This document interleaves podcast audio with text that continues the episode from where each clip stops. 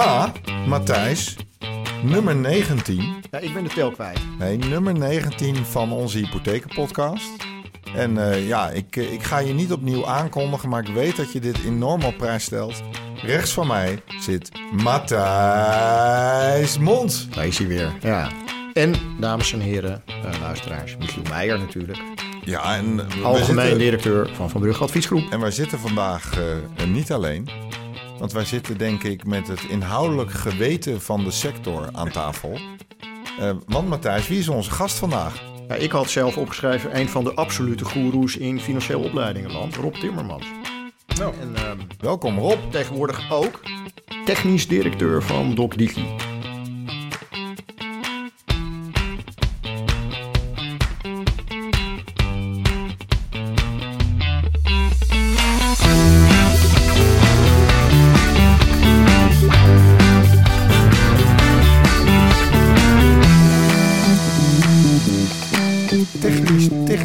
Ja, ik- dat vind ik echt zo'n voetbalterm. Ja, maar Ja, dat niet? Maar ik moet, dan, ik moet dan aan IT denken, aan CIO's en zo. Maar dat is niet jouw rol, hè?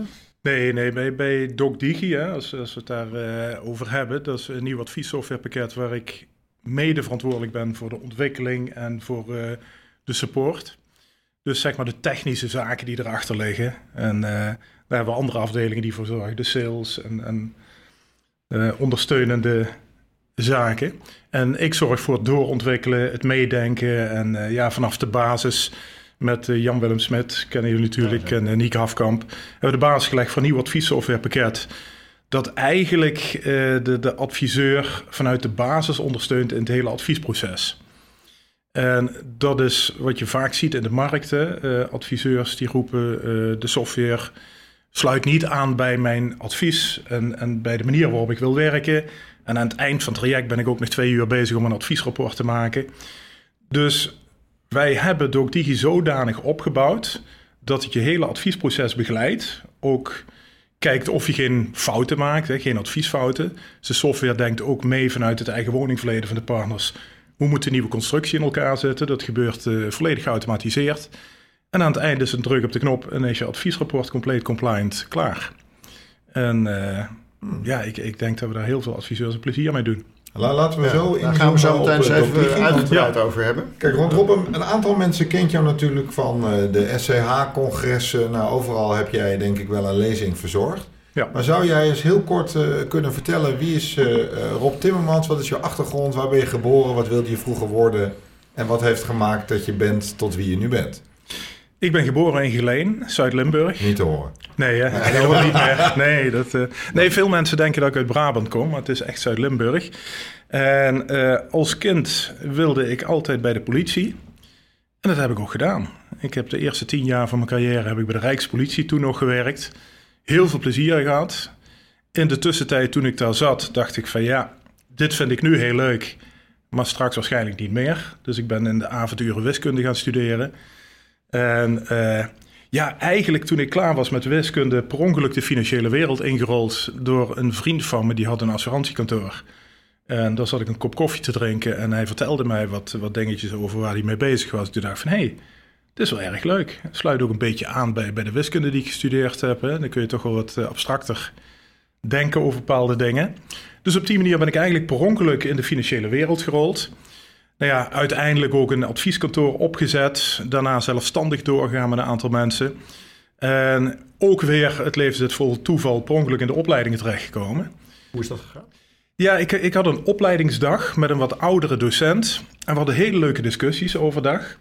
En eh, ik zat redelijk goed in mijn stof. Dus ik eh, noemde Toen, toen als adviseur, zeg toen maar. als adviseur. Ja, ik had een advieskantoor. Ja. En aan het eind van de dag kwam hij naar me toe en hij zei: Goh, volgens mij zit jij eh, wel lekker in je kennis. Eh, vind jij het niet leuk om opleidingen te verzorgen? En eh, ik zei: Nou, lijkt me best wel leuk. Dus hij zei: van, Nou, stuur me morgen je CV. En lang verhaal kort te maken, de week daarna stond ik voor mijn eerste groep. En dat is compleet uit klauwen gelopen. Ik heb toen voor heel veel opleiders. Toen had je nog financieel college. Ehm, uiteindelijk ook bij Dukers en Balemans heb ik heel veel opleidingen gegeven. En op enig moment vond ik het leuk om zelfstandig door te gaan. Hoeveel adviseurs heb jij opgeleid? Oh, eh, ja, vele, du- vele duizenden. Serieus? Ik, ik, ja, ja, hebben ik- er niet eens meer vele duizenden. jawel, jawel, die Ja? hebben we nog wel hoor. Die hebben we nog wel. Dat- Eh, ja, 4500 kantoren in Nederland. Ja, nee, ik, ik heb ontzettend veel. En Al die jaren heb ik. eh, Want ik, ik sta bijna iedere dag voor een groep. Vandaag maak ik er een, een uitzondering voor. Hè? En, en wie leert jou nog iets? Want eh, het is natuurlijk heel mooi als je op een gegeven moment het kennisorakel van de sector bent. Maar waar haal jij jouw kennis en inspiratie vandaan? Ja, kijk, zo zie ik mezelf niet. Eh, maar ik heb heel veel contacten met heel veel vakexperts. Want ook vanuit mijn opleidingsinstituut, ik, ik geef heel veel opleidingen, maar we hebben ook heel veel docenten die we inhuren. Allemaal op hun vakgebied eh ja, keien.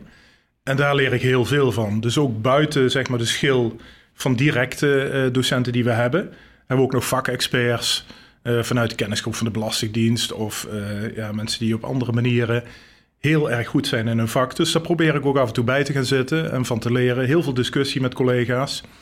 En ook zelfs met eh, ja, docenten van andere opleiders heb ik eh, heel regelmatig contact om dingen door te spreken. Nou, even een, een gevaarlijke vraag stellen. En die is ook een hele generieke, denk ik. Dus er zal ook geen generiek antwoord op mogelijk zijn. Maar wat vind jij nou eigenlijk van het, van het niveau van financieel adviseurs in Nederland? Eh, om heel eerlijk te zijn, vind ik dat het niveau eh, in veel gevallen onvoldoende is. En ik zie dat er een heleboel clubs zijn die er heel hard aan werken. Nou speelt onze wet en regelgeving ook niet echt mee. Hè? Die is ook vreselijk complex geworden. Maar van de andere kant gaat het niet alleen om wet en regelgeving, maar ook om het hele adviesproces. En wij doen ook heel veel op het gebied van advieskwaliteit. En daar zie ik bij veel partijen, vooral grotere partijen, die met de mond graag beleiden dat ze heel veel doen op het gebied van advieskwaliteit, maar in de praktijk eigenlijk niet. En, en Maar dan, dan Dat vind ik soms dat is zorgwekkend. interessant, hè? want we hebben natuurlijk Ja. veel eh, adviseurs die luisteren. ja, Ehm, bedoel je dan het monitoren van advieskwaliteit door een centrale organisatie of het auditen? Of wat, wat bedoel je daar specifiek mee? nou het begint natuurlijk al met de basis leggen. Hoe zit een adviesproces in elkaar en wat zijn belangrijke zaken erin? Want we proberen natuurlijk altijd shortcuts te nemen. Hoe kan ik zo snel mogelijk door een adviesproces heen? Maar de basis neerleggen van waar gaat het nou fout? En dat zie je natuurlijk in de branche. Nou, pas geleden heeft Kief natuurlijk eh, nadrukkelijk aangegeven dat bijvoorbeeld een adviesrapport. Ja, als je dat pas afgeeft nadat een bindend aanbod is getekend, heeft geen enkele zin meer om dat nog af te geven. Dus je moet ook zorgen dat het adviesproces goed in elkaar zit, dat je dingen goed onderbouwt. En dat ook zo'n adviesrapport een heel goed leesbaar rapport voor die klant is, dat het op tijd gebeurt. Nou, wat zien we bij heel veel partijen gebeuren? Dat de basis er gewoon niet goed in zit, maar dat ze wel telkens door willen gaan met het verder ontwikkelen van advieskwaliteit. En dan zie je op een gegeven moment ook, wat we pas geleden zagen, een toezichthouder die zei ja jongens, tot hier en niet verder. Nou ja, we hebben pas de, de explain-zaken gehad bij een van de grootbanken, waarbij eh, ja, naar buiten wordt gebracht, de toezichthouder heeft alles stopgezet. Ja, ik zie dat toch anders. Ik, ik Nou, eh, ik, bedoel, ik heb daar natuurlijk in de media ook het een en ander over gezegd. Maar een kleine correctie op hoe jij het eh, formuleert. Ehm, het is natuurlijk zo geweest dat het explainkader van in dit geval de Rabobank ehm, te veel ruimte liet. En dat de toezichthouder de Rabobank verzocht heeft om daar eh, vernauwing op aan te brengen. Ja. En als reactie daarop heeft de Rabobank toegezegd... dan sluiten we even voor nu een aantal explain-mogelijkheden... Waarbij ik natuurlijk een appel heb gedaan dat dat best kan, maar dat het om een tijdelijke sluiting moet gaan. En mijn Nee, angst natuurlijk zat in het feit dat veel meer partijen nu naar hun explainkader gaan kijken en elke klant weer als een standaard klant gaan zien. Nee, en dan dat- zijn we weer. eh, Daar ben ik het terug bij helemaal met je eens. Hè? Dat, dat, dat sowieso, ik vind dat die hele gedragscode mag voor mij lang over de schutting. Want het gaat natuurlijk om betaalbaarheid. Nou, dat is de basis. Eh, alleen al, dan zie ik alle reacties erop komen en die zijn allemaal gericht op de AFM. En dan denk ik van ja jongens, maar laten we nou eens kijken waar nou echt het probleem zit. Het probleem is dus dat er niet een goed beleid staat en dat dingen niet goed onderbouwd worden. Eh, ik, ik zal een metafoor geven. Stel, je bent de directeur van een grote voetbalorganisatie.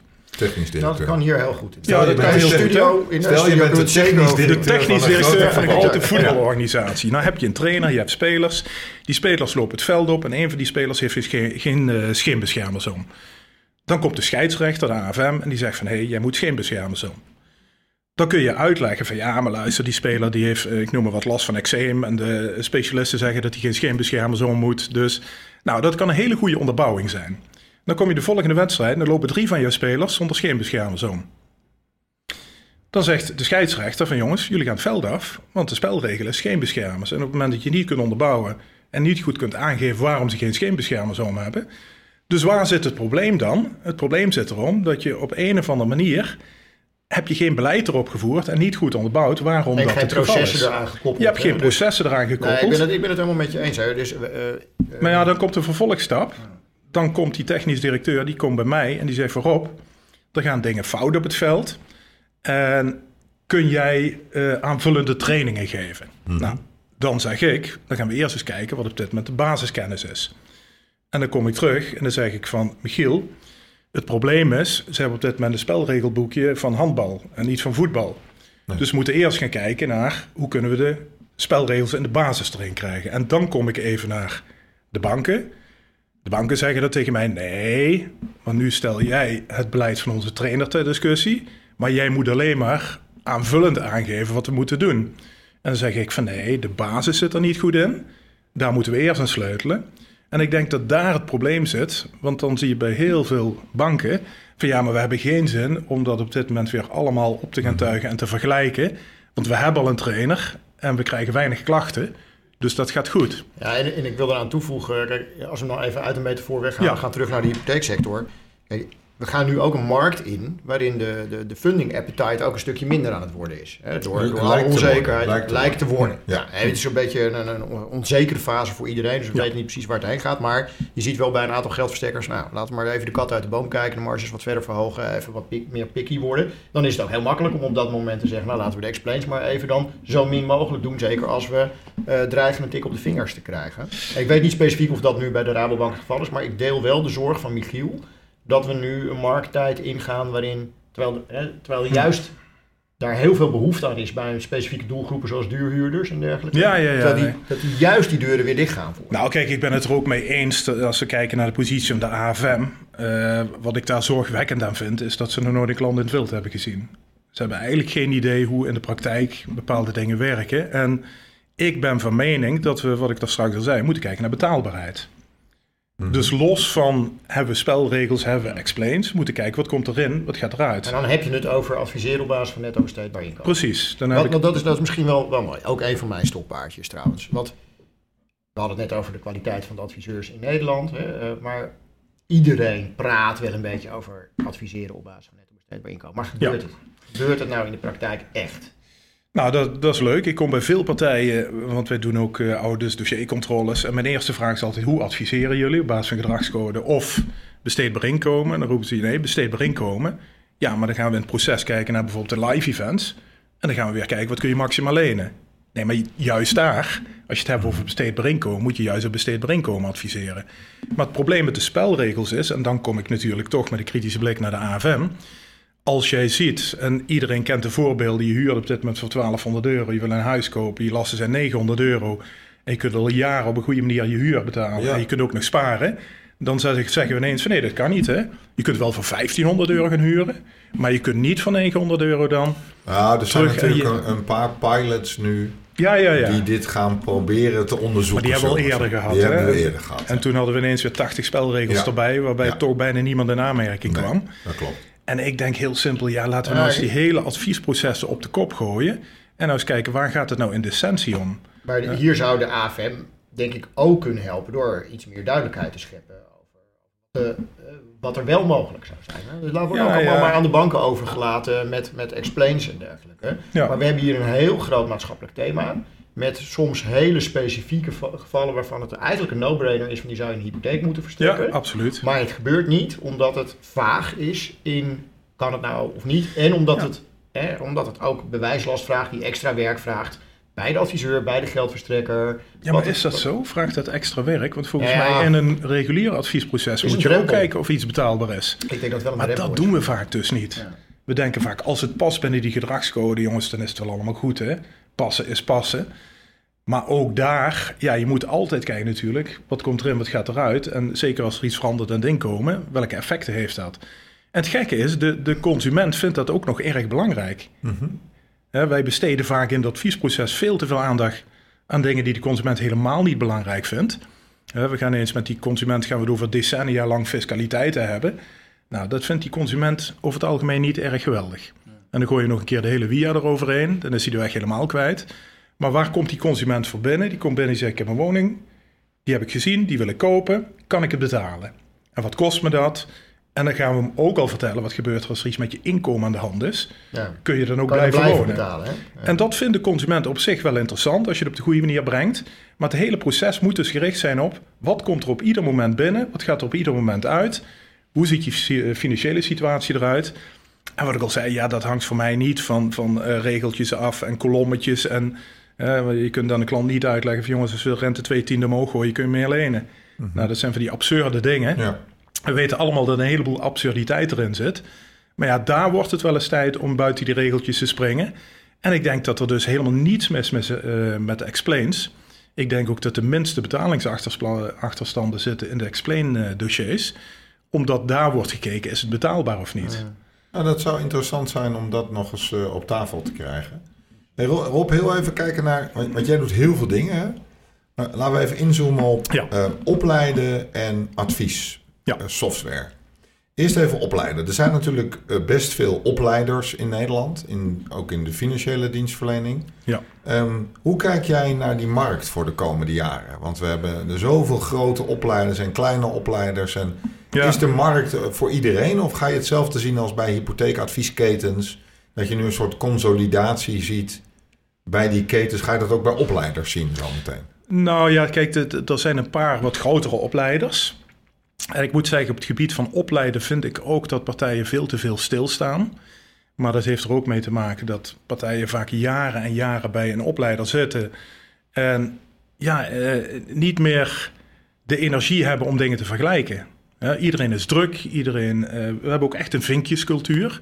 Daar lopen wij als opleider ook tegenaan, want wij vinden dat kwaliteit voorop moet staan. Maar we zien bij partijen, als je het hebt over opleidingen, dan willen ze een systeem waar groene vinkje staat. En wat de kwaliteit is die erachter zit, vinden we wat minder interessant. Het gaat om de vinkjes. Nou, nou, nou zegt Matthijs dit eh, even niks, maar ik kan je even schetsen, Matthijs, hoe dat bij mij eruit ziet.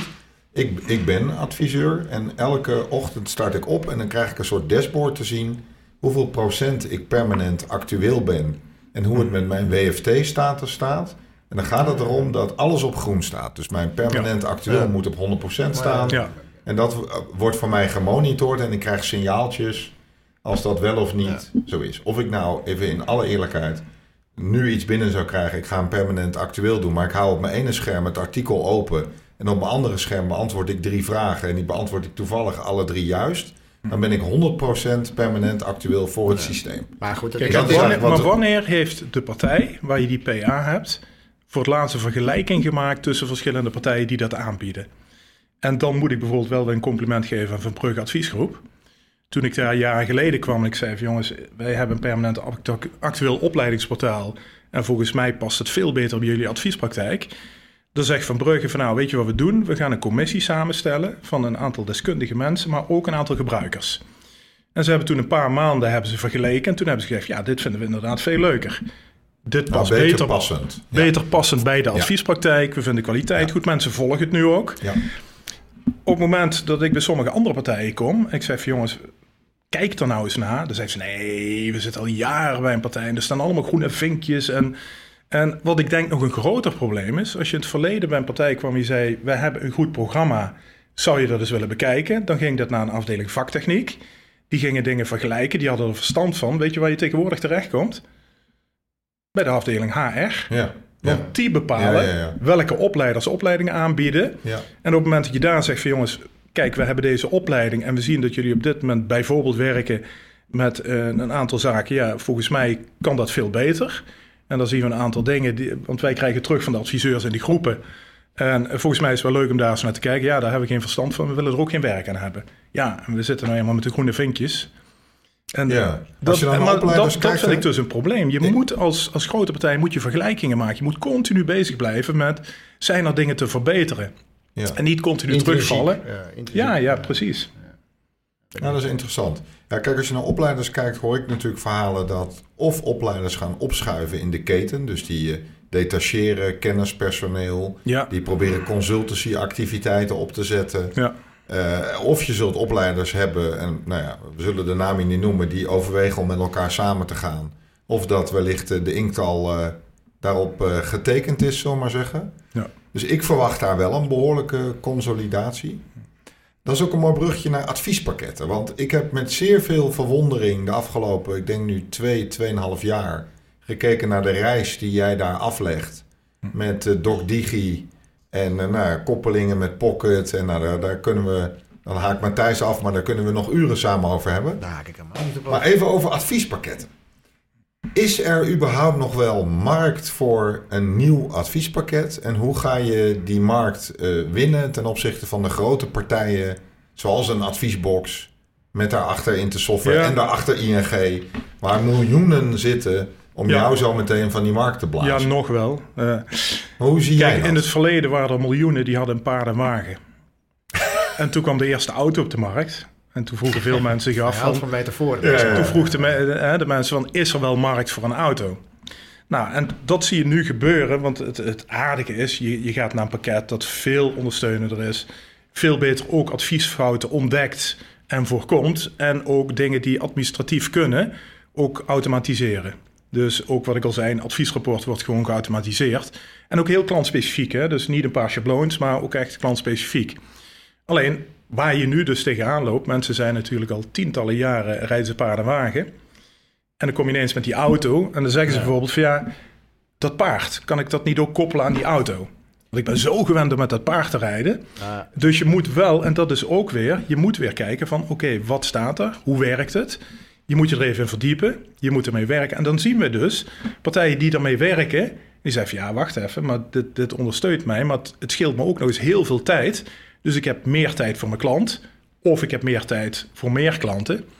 Ja, en die meerwaarde moet je zien. En ik denk dat die ontwikkeling, uh, dat die ook erg belangrijk is. Dat we ook zien dat software, maar sowieso het, het, het hele automatiseringsproces, kan het adviesleven veel, veel leuker maken. En ook... Het is wel wat, wat Rob zegt. Hè. Ik, ik, ik denk wel dat we ons moeten realiseren dat inderdaad hoe, hoe oud uh, uh, die adviespakketten in de markt ook allemaal zijn. Hè? En, uh, en wat kan ja. je metafoor wel volgen. Ik heb die ook gezien. Um, maar het is wel lastig en een langdurend, langdurig pad om mensen ja. te laten switchen van adviespakket. Want, heb, heb jij ambities op dat terrein, Matthijs, met Yellowtail Conclusion? een adviespakket ontwikkelen? hebben jullie dat misschien Nou al? ja, wij zitten natuurlijk zelf een van de dingen die we doen is uh, uh, uh, adviesprocessen innoveren. Um, en dat doen we voor geldversterkers, maar dat doen we ook voor de grotere financieel adviseurs. En dan hebben we te maken met implementaties van adviespakketten en, en, en de digitalisering daaromheen en de koppeling met externe databronnen en allerlei bedieningsconcepten ontwerpen en robo-adviesstraten maken, uh, die overigens heel hybride kunnen zijn. Hè. Wij hebben zelf ook een, een, een pakket, Rob weet dat, Hypotheek Assist. Mm -hmm. Dat is echt een rekenkern waarmee de adviseur de meest optimale hypotheekconstructie echt in, in, in, een, in een minuutje kan uitrekenen. Dan maakt hij 75.000 berekeningen en dan geeft hij voor jouw klantsituatie op basis van netto besteedbaar inkomen, dan komt hij weer, geeft hij aan wat eigenlijk de, de, gewoon de financieel meest optimale constructie is. Dat zijn we nu ook aan het koppelen met DocDigi. Hè? Dus dan kan je vanuit DocDigi straks een uitstapje maken naar maar dus eigenlijk, zijn, eigenlijk worden jullie een soort van collega's. Ja, wij zijn, wij zijn, uh, we zijn in een proces wij, bezig. We zijn om, samen uh, bezig. ja. En het is ook de bedoeling dat bij de wat complexere implementaties, dat, dat, uh, dat Yellowtail dan implementatiepartner voor DocDigi is. Uh, wat we ook samen met, met natuurlijk veel doen. Dus wij zitten wel vol in die wereld. Ik heb niet de ambitie om, om, om daar weer volgens mij te gaan concurreren. Hè. Dus wat DocDigi heeft gemaakt, gaan wij niet opnieuw zitten maken. Um, en ik vind het overigens ontzettend, ontzettend goed gezien dat er behoefte is. En, en, en dat gaat steeds meer natuurlijk ook gebruikt worden aan uh, een automatisch rapport. En dat klinkt makkelijk, hè, want dan denk je van, nou ja, dan druk je op een knop en dan komt er een rapport uit. Maar dat betekent dat je duizenden en duizenden verschillende tekstblokken Mm-hmm. die helemaal moeten kloppen, hebt ja. gemaakt. En dat je precies, en dat heet via een, een rule engine, een beslissingsmachine, uh, heb je gedefinieerd welk tekstblokje wanneer moet laten zien in dat rapport op basis van de inventarisatie. En dat is een hele uitgebreide inventarisatie, daar heeft erop wel voor gezorgd, want dat die moet volkomen compliant zijn ja. en heel erg in het klantbelang. Dus die, die, die inventarisatiemachine is eigenlijk zo gebouwd dat je niks mist. Als je dat gesprek met je klant voert, moet allemaal ingevuld worden. Ja. Als je dat allemaal ingevuld hebt, ben je maximaal compliant. En komt er een rapport uitrollen waar je niks meer aan hoeft te doen en wat klopt. En ik geloof dat, eh, ja, jouw technische man heeft me wel eens uitgelegd, dat er 1,2 miljard verschillende mogelijkheden zijn van verschillende rapporten die eruit kunnen komen. Maar- zo Ja. complex is het om dit te Oké, maken. maar dan heel even naar jullie toe, hè? want er luisteren ook mensen van Adviesbox en Figlo en Findesk en nou, zo kan ik nog wel even Ja, doorgaan. Ehm, en over het algemeen hebben we geleerd uit het verleden dat je een hele lange adem moet hebben en een hele diepe zak om een adviespakket de standaard in de markt te maken. Hoe gaan jullie dat doen dan? Kijk ik Rob even aan. Ja, Eh, nou, Want je bent nu nog relatief klein en dan heb je adviesbox misschien met een dekkingsgraad van 60%. Ja, ja, in de- in de ze, ze weten pak niet beter. Nee. Nou, wat, wat wij doen, eh, via docdigi.nl kun je een gratis demo-account aanvragen. En met de demo-account kun je oefenen. Je krijgt ook een e-learning erbij. We geven ook twee keer per maand geven een webinar. Eén voor gebruikers en ook één verdiepend, maar ook voor, voor, nieuwe deelnemers. En dan leer je dus ook aan de hand van casuïstiek... hoe moet je nou met bepaalde eh, zaken omgaan in de software. We gaan ook opleidingen verzorgen op dat gebied. Dus ook aan de hand van casuïstiek gaan we zeggen van... nou oké, we gaan een ochtend bij elkaar zitten vanmiddag... en we gaan samen eens werken aan de hand van een casus. Waar moet je nou op letten in de software? Want alles valt of staat natuurlijk wel, hè, wat Matthijs terecht zegt... met het goed invullen van het adviesproces dat je doorloopt met die klant. Dus ook, we hebben ook een afdeling motivatievelden... waarin de software bijvoorbeeld roept van... hé, hey, wacht even, met inventarisatie... Heel even nog, dat is natuurlijk een schitterende afdeling. Je hebt dus de afdeling Ja, binnen de software, hè? motivatievelden. Ja, dat zijn motivatievelden. Oké. Want de software volgt het hele proces. En zegt bijvoorbeeld, hey, bij de inventarisatie zegt die klant... met bijvoorbeeld de rentevastperiode... ik ben de eerste 20 jaar niet risicobereid. Maar in de hypotheekconstructie komen ineens de rente 10 jaar vast. Mhm. Fascinerend. Precies, dus, beste adviseur, dan moet je even motiveren. Ja, waarom wijk je daarvan af? Waarom wijk je er Oké. vanaf? Nou, dan moet je dus een motivatie geven. Of de software zegt van, hé, hey, wacht even. Uit het inkomenstekort en de besparingen en alles wat je hebt ingevuld... komt een bepaald tekort dat je wil verzekeren. Daar geef je een advies op. Maar hé, hey, wacht even. Er wordt een ander product afgesloten. Even motiveren waar dat dan... waar de oorsprong zit. Waarom is die wijziging erin gekomen? Dus als je goed de software volgt... kun je ook niet hiaten krijgen in het proces. Want daar, daar zit het meestal in. En, en even voor de luisteraar, wijkt dat dan af van hoe andere adviespakketten nu werken? Ja, kijk, ik, ik vind het moeilijk om, eh, want ik ken alle pakketten heel goed, om aan te geven eh, op welke specifieke dingen wij nou eh, beter zijn. Want ja, oké, we hebben het van nul af aan opgebouwd. Ik denk dat het grote probleem bij de andere pakketten is, het, ze zijn op een bepaald platform gebouwd. En als je blijft bouwen, blijft, het is net de Belastingdienst, hè, je blijft continu modules erop bouwen. En op een gegeven moment loop je ergens vast en kun je niet meer alle kanten op. Nou, en dan zie ik in verschillende pakketten ja, dat, dat het daar eigenlijk misloopt. Dat je Ja, op een gegeven moment niet verder kunt uitbreiden, niet specifieker dingen, ook bijvoorbeeld fiscaal dingen niet goed kunt invullen. Ehm, dus ja, wij hebben het geluk dat we van nul af aan hebben kunnen opbouwen met eh, fantastische IT'ers. Want eh, dat eh echte Hans Kazan die we hebben zitten daar.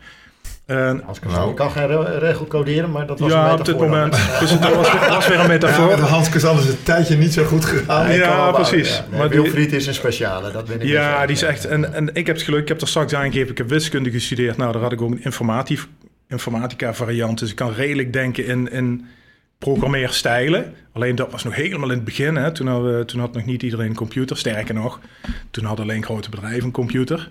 Maar daar heb ik dus wel leren eh, denken in programmeerstijl. Dus vanaf het begin hebben we daar heel goed over kunnen communiceren. Ja, en Wilfried inderdaad, eh, onze, onze hoofd IT... Dat, eh, dat is echt ongelooflijk hoe die dingen op. Ik denk dat hij op dit moment op het gebied van advies eh, veel meer kennis heeft dan de meeste adviseurs in de markt. Hij heeft Oké. kennis opgebouwd. Ja, maar wat, ik bijvoorbeeld fascinerend vind, en ik wil het niet te veel gaan, eh, gaan lopen zeggen, maar ik ben wel gewoon onder de indruk van, van wat er is neergezet. Is.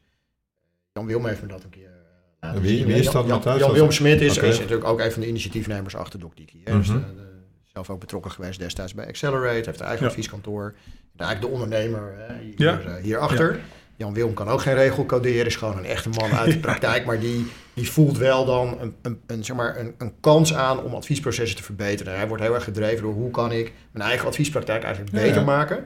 Ja. En, en, en weet dat dan ook wat te vertalen naar innovatieve ideeën zoals dit.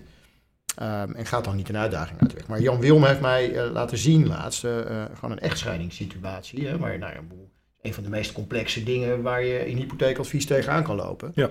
Ehm, Maar dat ook daar gewoon een automatisch rapport uit komt rollen, wat echt toegevoegde waarde heeft voor die klant. Ja, en ook... Uh, en gewoon helemaal klopt. Um, en, en, dus het is niet alleen dat, we hier, uh, dat hier een pakketje staat voor uh, startersadvies, want dat is relatief makkelijk, denk ik, Ja, ja. Te, te digitaliseren. Maar gewoon echt alle adviessituaties, inclusief beheer. Ja, dat is een bak werk verzet. Ik, vind, ik denk dat dit wel de toekomst heeft. En ik denk ook overigens dat, het, dat, dat andere pakketten ook deze slag zullen moeten gaan maken. Want hier is uiteindelijk gewoon een hele grote behoefte aan. Dit is wel de toekomst van het adviesproces. Ja, maar dan, dan heel even en dan ook langzaam naar het... Uh, want we zijn nu bijna een half uurtje bezig... naar het einde van deze podcast toe. Um, en dan ook even het andere geluid. Dus ik ben even benieuwd, daar mogen jullie nog op reageren. Kijk, als je natuurlijk kijkt naar DocDigi, dan zit daar, daar hele sterke elementen in. Wat, wat ik persoonlijk heel sterk vind, is dat er veel mensen ook uit de adviespraktijk bij betrokken zijn. We hebben het over Jan-Willem Smit, maar je uh, hebt ook Gijs van Hooijdonk en een aantal andere mensen. Gijs van Hooijdonk, een uh, erkend hypotheker, die, die elke dag in die spreekkamer zit. Maar stel, ik ben nu een grote keten en dan kijk ik jullie beiden even aan. Uh, moet ik dan toch niet de twijfel hebben dat de zakken niet onvoldoende diep zijn om uiteindelijk een adviespakket neer te zetten, door te ontwikkelen en de komende 30 jaar in de lucht te houden, waar Inte Software en andere partijen dat al lang bewezen hebben? Mag ja. Rob als enige en als laatste op reageren? Ja, de, nee, dat vind ik een hele fijne vraag. Want wij krijgen ook vaak uh, de vraag van waarom zijn jullie bijvoorbeeld duurder dan andere pakketten? Nou, ik nog vragen. Ja, ja want, nou, want bij ons... Dat was Matthijs' uh, laatste vraag. Precies heel even korte metafoor weer naar paard en wagen. Dan geef je eind van de dag geef je wat hooi en dan ben je klaar. Maar bij een auto moet je iedere keer als je rijdt, moet je tanken. En, en onderhoud plegen. En onderhoud plegen, maar het helpt je natuurlijk een stuk verder. En nou, wat is nou bij DocDigi het verhaal? Wij zeggen, wij willen ook blijven doorontwikkelen. En daar hebben we natuurlijk, we, we hebben daar de middelen voor. Dus we kunnen ook ruimschoots doorontwikkelen. En wij vinden dat belangrijk. Dat is een van de belangrijkste items in onze processen. Dus we hebben ook een roadmap. Nou, die, die is uh, goed gevuld voor de komende tijden. Met alle ontwikkelingen die er nog aan staan te komen. Want zoals het pakket nu is, is al een hartstikke mooi pakket. Heel goed ondersteunend. Maar we blijven vanuit de markt natuurlijk ook ideeën krijgen. En zelf hadden we ook vanaf het begin een aantal dingen. Die willen we nog continu blijven doorontwikkelen. Nou, we hebben ook zo'n dingen, wat je zei. Werkelijk lastentoets hebben we erin. En ja, ook het hele fiscale plaatje waar geautomatiseerd dingen worden gedaan. Dus ook samenstellingen van hypotheken. Maar nog steeds blijven we doorontwikkelen. Bijvoorbeeld binnenkort komen we ook in het Engels. Mm -hmm. En dat betekent dat je ook voor expats ja. of buitenlandse consumenten... kun je straks ook de rapporten in het Engels uitdraaien. Nou, dat komt straks in veel meer talen. Uh, maar we blijven ook in... moeten we denken. Ja, ik, ik hoop Oekraïens in plaats van Russisch.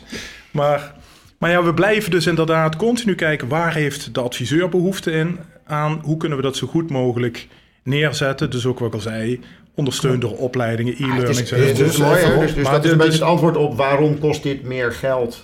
Uh, je hebt een variabele prijs per rapport, hè, grotendeels. Ja, uh, ja, ja. Uh, waarom kost het meer geld dan de traditionele adviespakketten? Um, Omdat dit het niet is. We blijven doorontwikkelen. Ja, precies. En, en Rob zegt ook van, joh, wij hebben een, een voldoende backbone en met uh, nou, de, de, de instanties ja. die achter ons staan om dit tot in lengte van jaren. Ja, uh, absoluut. Nou, ja. Ik denk dat dat heel belangrijk is. Als je nou als luisteraar uh, het een en ander wil weten over DocDigi, dan is denk ik buiten Matthijs en ikzelf Rob Timmermans een van de makkelijkst te bereiken mensen via LinkedIn, social media. nou, op de diverse congressen kom je Rob ook tegen. Dus schiet hem, schiet hem aan. Ik vind trouwens technisch directeur nog steeds een nou, schitterende, schitterende appelleert gewoon ja. aan jouw voetballiefde. Ja, precies. En, en, misschien toch ook nog, hè, want we gingen naar het adviesrapport. Uiteindelijk ben ik natuurlijk ook uh, opleider bij uh, onze opleidingsinstituut Impact. Ja, dus mocht je nog... Impact.nu, daar staan al onze opleidingen. En, lekkere commerciële podcast. Ja, precies. Ja, ja. ja want dan, geef, we... ik, dan geef ik toch nog even een hint. Ja, want dit is de laatste Rob. Dat is de laatste, ja, ja. Die knippen we eruit hoor, deze. Want, nee, kijk, tot 1 april was iedereen druk met zijn PEWFT's. De nieuwe programma's staan er en meer dan 90% is hetzelfde. Dus mijn advies ook, wacht er niet mee. Ga dat soort dingen doen. Zorg ervoor dat je het voor elkaar hebt. En, en kijk gewoon eens wat nou, er allemaal dit is, dit is grappig, want dit staat een klein beetje haaks op wat ik altijd roep. Ja. Ik zeg altijd, als je adviseur bent, moet je niet nu opnieuw je PE's doen, want dan leer je wat je al weet. Je moet eigenlijk even wachten en je pakt een aantal nieuwe ontwikkelingen mee. En de echte fa fanatieke vakidioten, die vinden dat leuk. Dus het gaat niet om het stempeltje, maar om de reis er naartoe. Maar daarmee, Matthijs, komen we aan het einde van deze Ik podcast. ga toch nog één vraag stellen. Nee, want we Ja, zijn moet echt. Mag- moet echt. mag Ja, ik-. Nou, heel kort Daar een allerlaatste opmerking op Ja, maken. De dat is dan- PEWFT gaat niet over kennis en over advies. Daar hebben we hele mooie opleidingen voor. Zo is het. Nou, dan Nee, ronden we het. Nee, want Nee, Michiel, thuis- moet, moet, moet, deze moet echt. Want wat, ik zie iets, iets eh, van een soort contradictio erin zitten. En, en misschien zie ik dat helemaal verkeerd. Maar je bent bij Doc betrokken, waarmee je eigenlijk het adviesvak zo vergemakkelijk dat, dat je die inventarisatie moet doorlopen. Kan je bijna geen fouten meer mee maken. Komt Ja. een automatisch rapport uitrollen. Wordt daarmee niet steeds minder een beroep gedaan op de kennis van de adviseur? En, en hoe verhoudt zich dat dan tot jouw vak als opleider? Ja, juist niet, want hier draait nu weer alles om het adviesproces met de klant. En daar gaat het om, het adviesproces met de klant. Wat we eigenlijk automatiseren is het hele administratieve proces eromheen. Maar de kennis blijft essentieel. Het is ook ver weg van bijvoorbeeld execution only. Wij gaan voor de adviseur en voor het vergemakkelijken van het administratieve Eigenlijk proces. zeg jij Rob, wat er ook gebeurt in, in, eh, in de toekomst met digitalisering en dergelijke, eh, de kennis van de adviseur, dat blijft gewoon heel erg belangrijk. Ja, ja dat, dat blijft de kern van, eh, van de hele advieskwaliteit. Nou, dat stelt jou gerust, denk ik, Matthijs. Dat stelt mij zeker gerust. Dat is fijn, want dan, ehm, Rob, enorm bedankt voor jouw eh, komst in deze podcast. Bedankt voor de uitnodiging. Eh, Ik vond het gezellig. Het is ook mooi om te zien dat Matthijs er iets van opgestoken heeft, want eh, dat, dat is ook Ja, een doel. als ik van Rob niet zou kunnen leren, dan gaat het natuurlijk echt mis. Ja. Ja, want Matthijs, wat is jou het meeste blijven hangen aan het eind van deze podcast in hetgeen Rob gezegd heeft? Nou, kijk, ik ken Doc Digi heel goed, hè, dus, dus daar zit voor mij eh, geen verrassingen in. Ehm, ik denk eigenlijk gewoon het laatste. Ik denk dat dat een hele mooie boodschap is eh, eh, en die zit nog vers in het geheugen. Ehm, en daarom wil ik die vraag per se nog stellen. Van, blij- blijft de kennis van die adviseur, hè, nou, ondanks dat er heel veel verandert in het adviesvak, toch gewoon ongelooflijk belangrijk.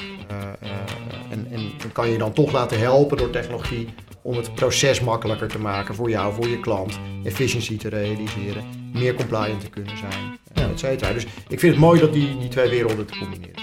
Nou, top. Dan ehm, zou ik iedereen willen bedanken voor het luisteren. Je kunt ons eh, uiteraard volgen op Spotify, eh, iCloud, nou overal waar wij eh, te vinden zijn. En waar we gelukkig de afgelopen 18 keer ook al veelvuldig gevonden worden. Heb je vragen, dan kun je die via LinkedIn of andere social media aan Matthijs of aan mij stellen.